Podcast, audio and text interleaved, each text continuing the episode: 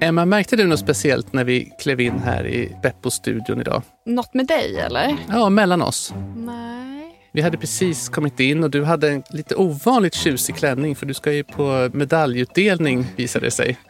Och så, Ja. så sa jag så att oj vad fin du är.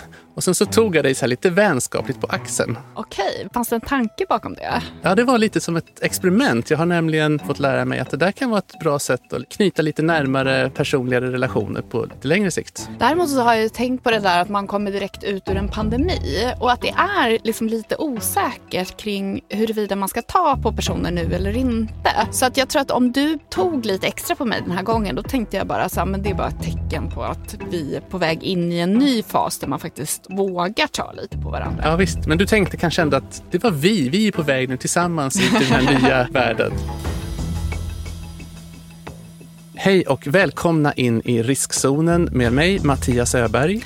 Och med mig Emma Frans. Vi är båda verksamma vid Karolinska institutet och jobbar på olika sätt med risk. Jag som epidemiolog och Mattias, vad är det du är nu igen?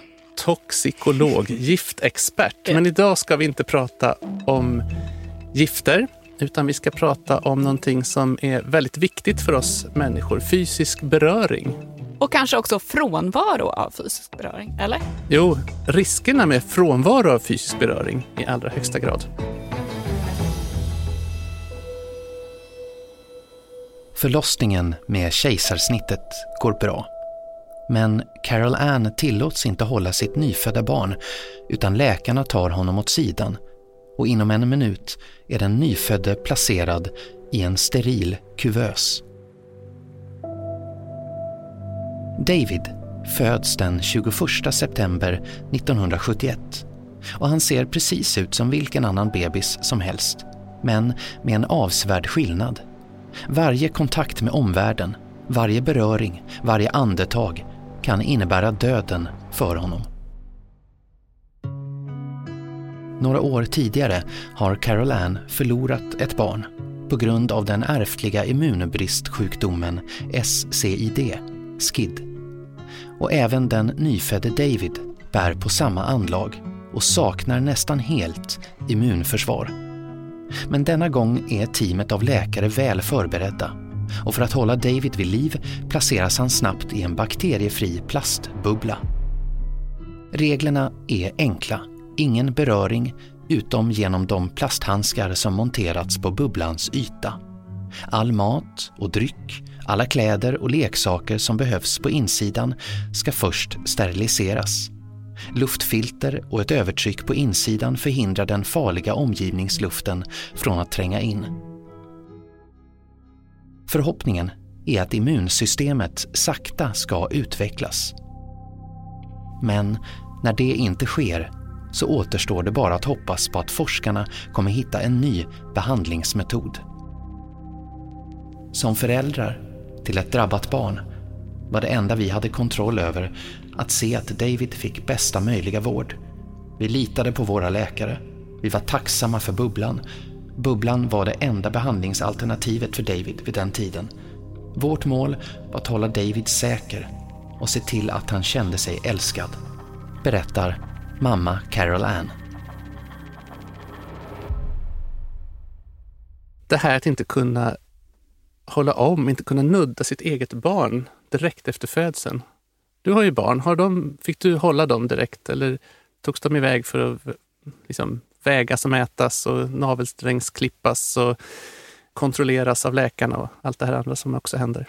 Jag har ju faktiskt haft ganska problematiska förlossningar. Och mitt första barn, min dotter, den förlossningen var förknippad med en del komplikationer och vi fick också ligga på en sån här neonatalavdelning första veckan. Och eh, då var de ju jättenoga med just det där hur viktigt det var att man skulle ha kontakt med sitt barn. Alltså jag sövdes ju, det var en sån där urakut snitt som de gjorde på mig. Men efter då att jag hade vaknat upp, då var de ju supernoga med att man skulle få igång liksom gärna amningen, men att man skulle ha den här hud mot hud-kontakten. Och jag tror att det var ganska nytt på den tiden. Det var 2009 som hon föddes.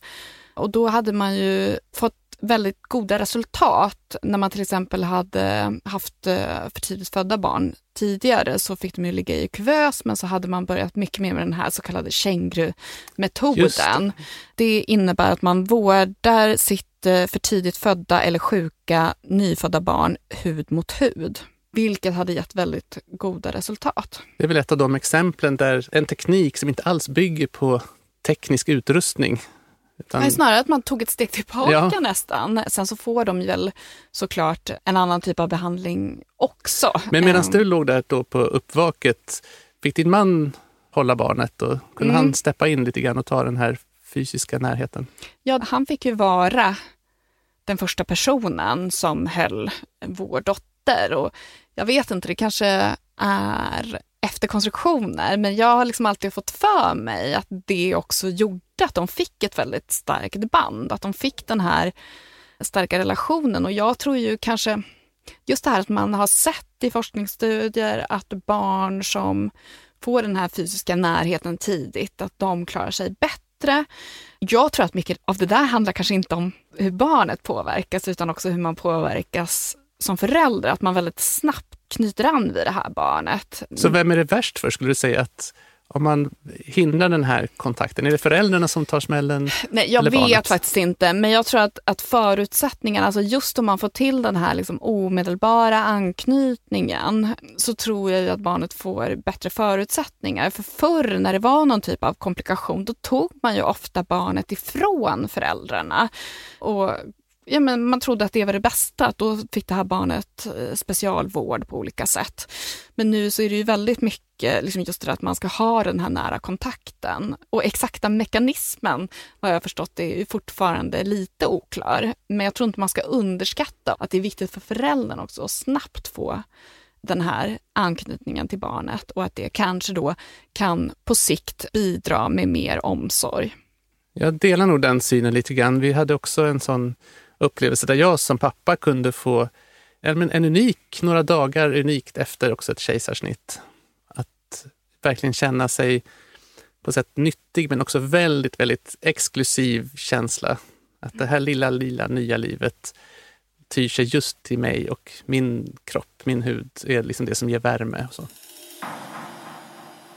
Inför det här avsnittet så hade jag möjlighet att prata med eh, Helena Wasling som är expert på fysisk beröring. Jag är forskare i neurofysiologi och eh, docent vid Sahlgrenska akademin i Göteborg. Och vi pratade om hur viktigt det är för barn med fysisk beröring. Man kan väl säga så här att om man är lite filosofisk så föds väl alla små barn med en stor fråga bara som är vad är det här, kommer jag klara mig? Hur ska det gå? Och vi har inget sätt att kommunicera med barnet. Jag kan ju sätta mig framför spädbarnet och försöka verbalt övertyga det om att jag kommer att finnas till för det tills det är vuxet. Liksom. Men språket jag har då är ju mina händer, alltså att hålla i barnet och beröra barnet är ju den kommunikationskanal som finns där redan från början för att tala om att ja, det kommer att ordna sig detta, jag finns här. Den här bubbelpojken då som växer upp utan direkt beröring, så att säga, hud mot hud.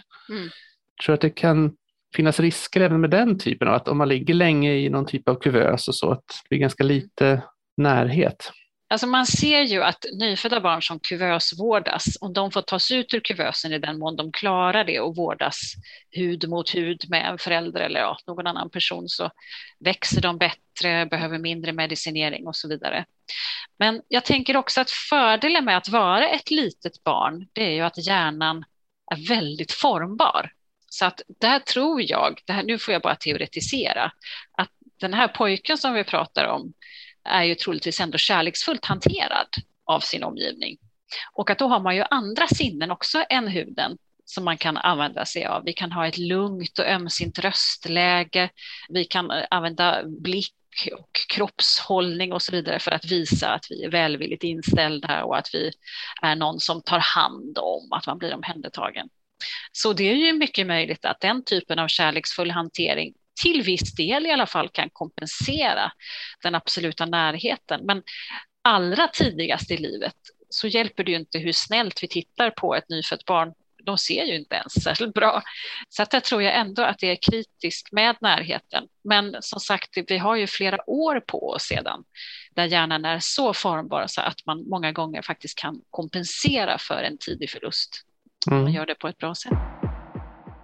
Hela den här idén om att sätta ett barn isolerat i en bubbla känns så himla främmande, tycker jag, utifrån de kunskaper som man har idag om hur viktigt det faktiskt är med beröring. Eller vad säger du Mattias? Samtidigt var ju inte alternativen så många i det här fallet. Man hade naturligtvis med vetskapen om att det fanns en risk för den här ärftliga sjukdomen kunna tänka sig att jaha, men då aborterar vi alla pojkfoster för att vi vet att det här drabbar pojkar i högre utsträckning. Eller så får man ju på något sätt tänka att ja, men vi sätter in bebisen i den här bubblan i hopp om att vi ska ändå hitta en behandlingsmetod. Ja, men det är väl det jag menar också. Att det, på något sätt så tycker jag att berättelsen lite återspeglar en tid där man kanske hade en övertro på att man skulle hitta liksom en medicinsk innovation som skulle lösa alla de här problemen och att det var liksom den nya tekniken som var svaret. Och just huruvida det här barnet eller inte skulle berövas all mänsklig kontakt eller åtminstone all fysisk kontakt. Att den typen av risker kanske man underskattade på den tiden. Från början var ju heller inte tanken att han skulle leva så många år i en plastbubbla, utan det här sågs ju som en, ett temporärt väntrum i hopp om att immunförsvaret sakta men säkert ändå skulle växa till. Månader blir till år. Men forskarna lyckas inte hitta någon bot mot den ärftliga sjukdomen. David är sex år när han får ta sina första steg utanför den isolerade bubblan och hjälpen kommer från ett oväntat håll.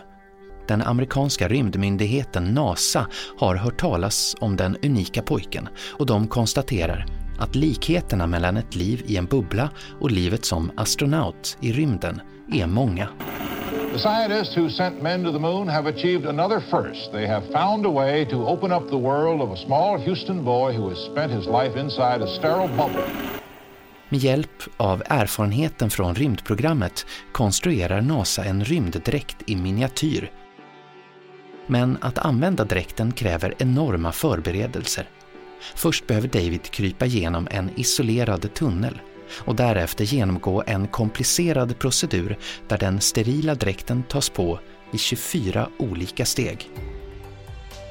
Även om processen är omständlig och tar tid blir det ett känslosamt möte den 29 juli 1977 då mamma Carol Ann för första gången kan lyfta upp sitt barn och hålla om honom, även om han är iförd en rymddräkt.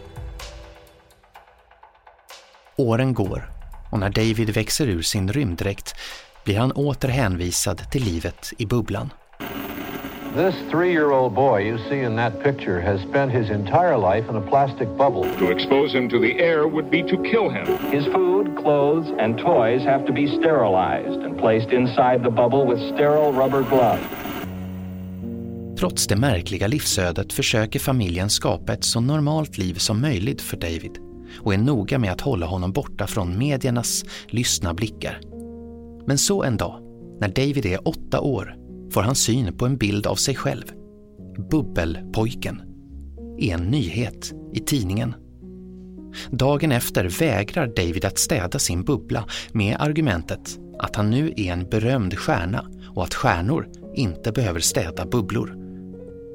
Jag sa till honom att hans bild inte fanns i tidningen idag, så idag får du städa upp din bubbla, berättar mamma Carol Ann i en intervju.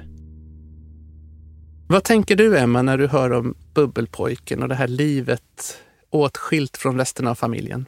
Nej men det känns ju, som förälder så känns det ju helt fruktansvärt att leva ett liv utan att kunna krama sitt barn.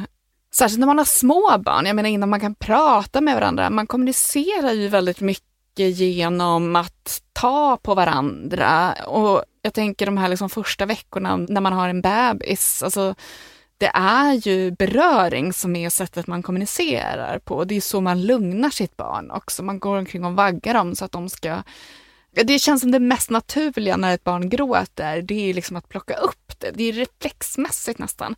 Och så vitt jag vet så finns det också så forskningsstudier där man har jämfört barn på barnhem som inte får beröring, till och med kan avlida, jämfört med de som då en städerska kanske plockar upp och håller om. Jag pratade med Helena Wasling om de här rumänska barnhemsbarnen, ja, mm. där man i slutet av Ceausescu-eran hittade många barn som var instängda på barnhem utan egentligen någon fysisk omsorg alls på det sättet. Där de låg helt apatiska i sängarna.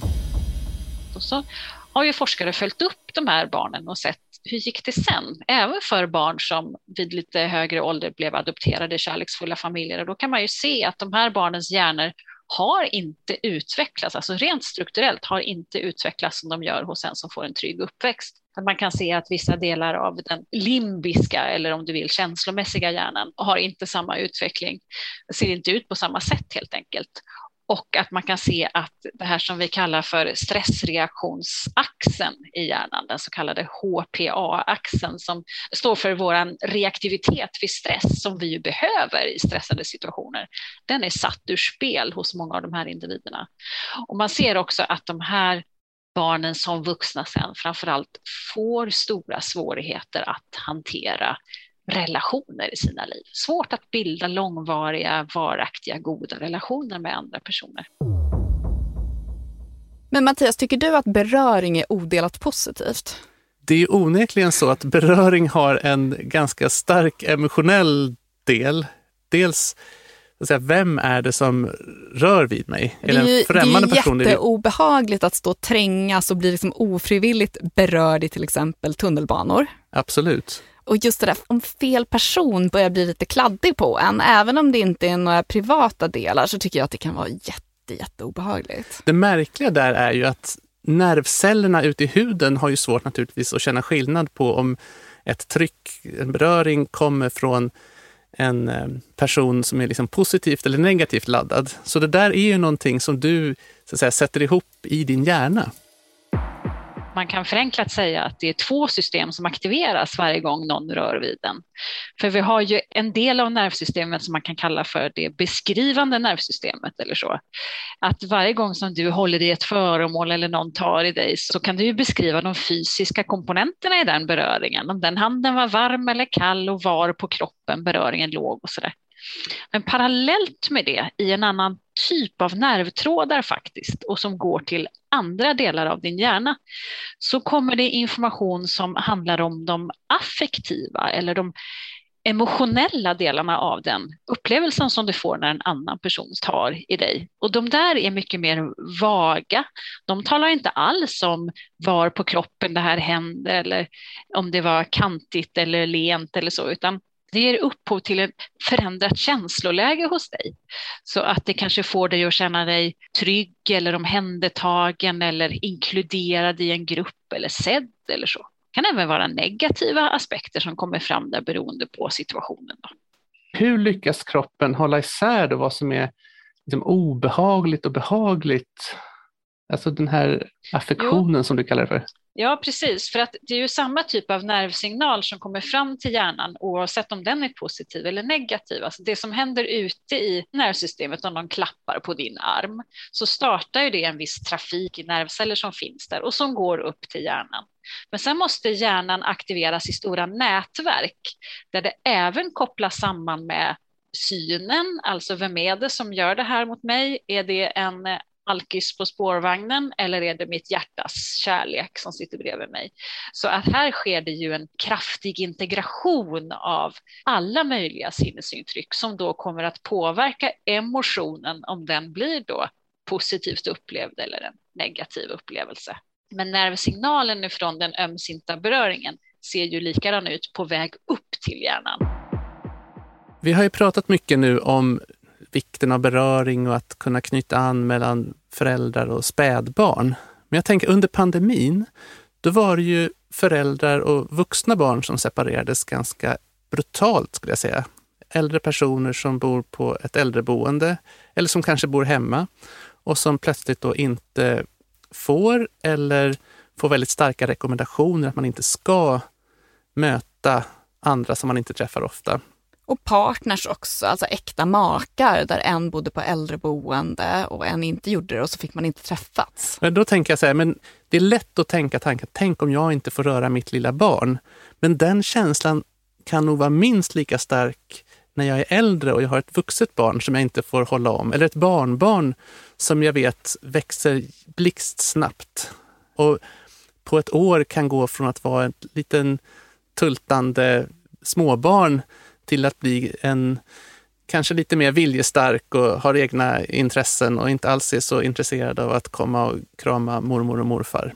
Så den tiden är enormt värdefull och att fråntas det är ju någonting ganska allvarligt.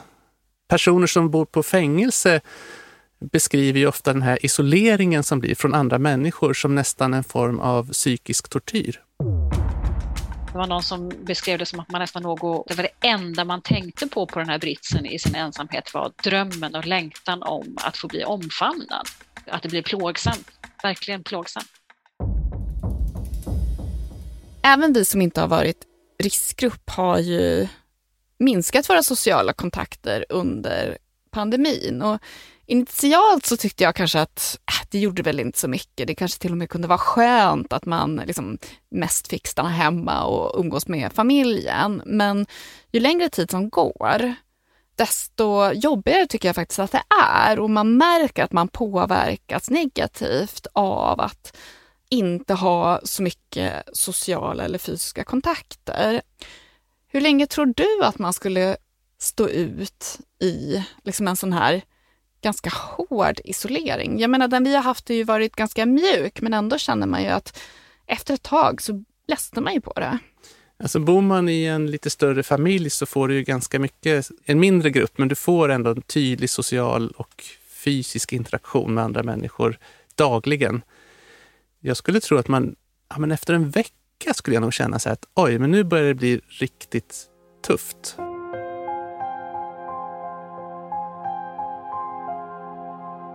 När David kommer in i puberteten växer han precis som sina jämnåriga, allt snabbare.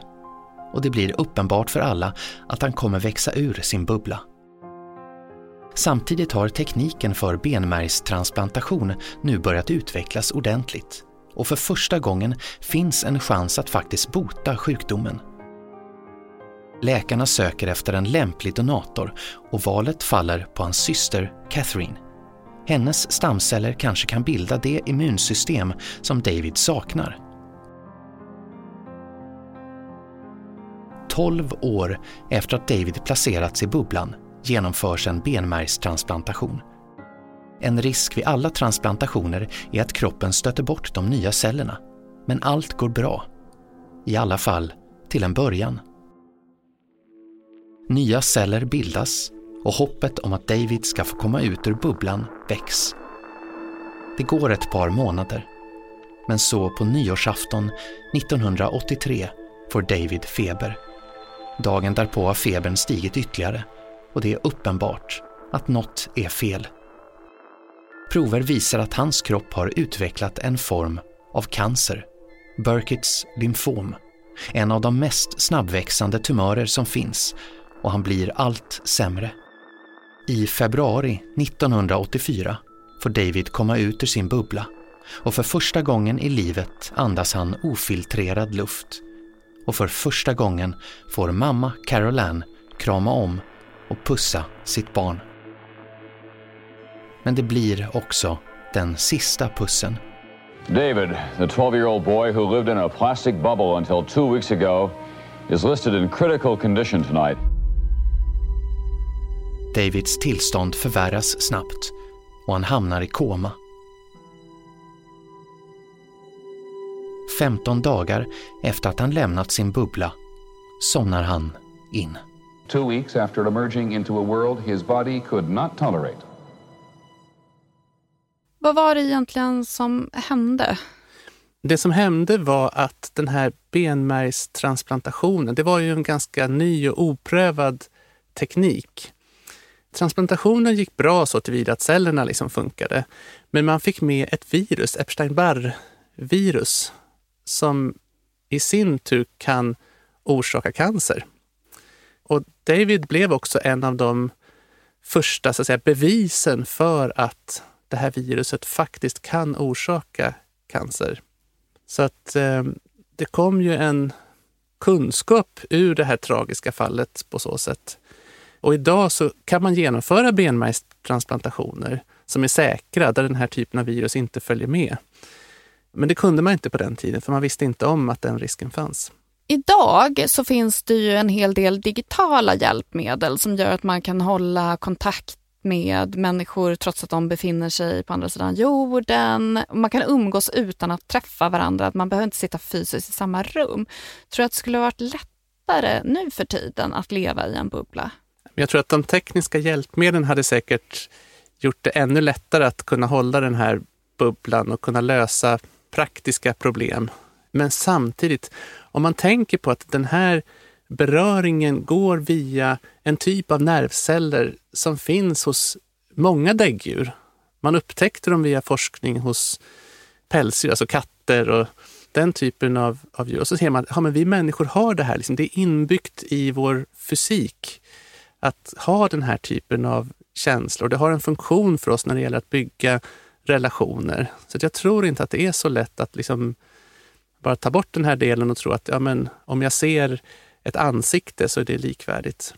Eh, socialt umgänge, man har ju liksom förstått det också under den här pandemin, att det är så mycket mer än att bara liksom kommunicera via tal.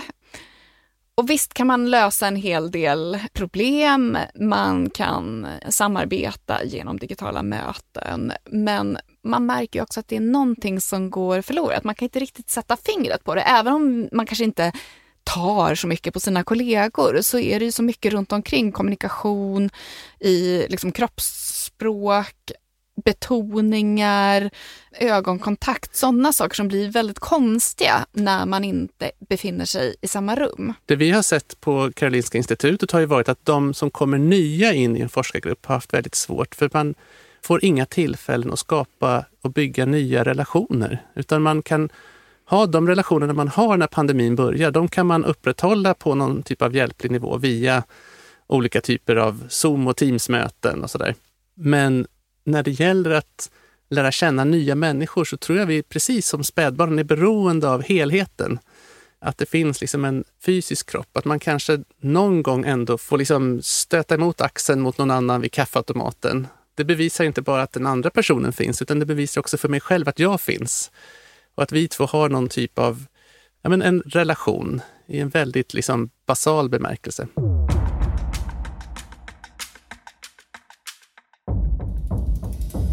Ibland får jag frågan, vad ska den ensamme och den som saknar beröring göra? Men om man är riktigt ensam och saknar beröring så är det kanske inte så lätt att mobilisera eh, tankar och styrka och handlingskraft för att gå ut och inhämta en massa beröring. Det kan vara jättesvårt. Man kan ju boka ett massagebesök förstås och man kan gå till frisören och, och då kan man få välgörande effekter av beröring som är att det frisätts oxytocinhormon, att man blir lugn och så. Och det kan man må jättebra av. Men det bygger ju inte relationer och så som jag pratar om.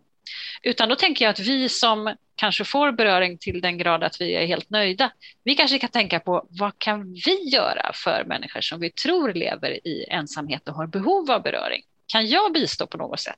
Kan jag vara lite generös vid kaffemaskinen på jobbet och bara ta den där lilla handen på en sån här kortvarig, odramatisk konsensus eh, hand på axeln på någon bara och fråga du, vad gjorde du i helgen? Eller kan du komma in till mig sen ska vi kolla på den här rapporten? Eller, alltså den här kortvariga, helt odramatiska beröringen, den gör mycket mer än vad vi tror, för den skapar då den här känslan av tillit och generositet och hjälpsamhet och en känsla av att vara inkluderad. Det kan vi bjuda på lite mer.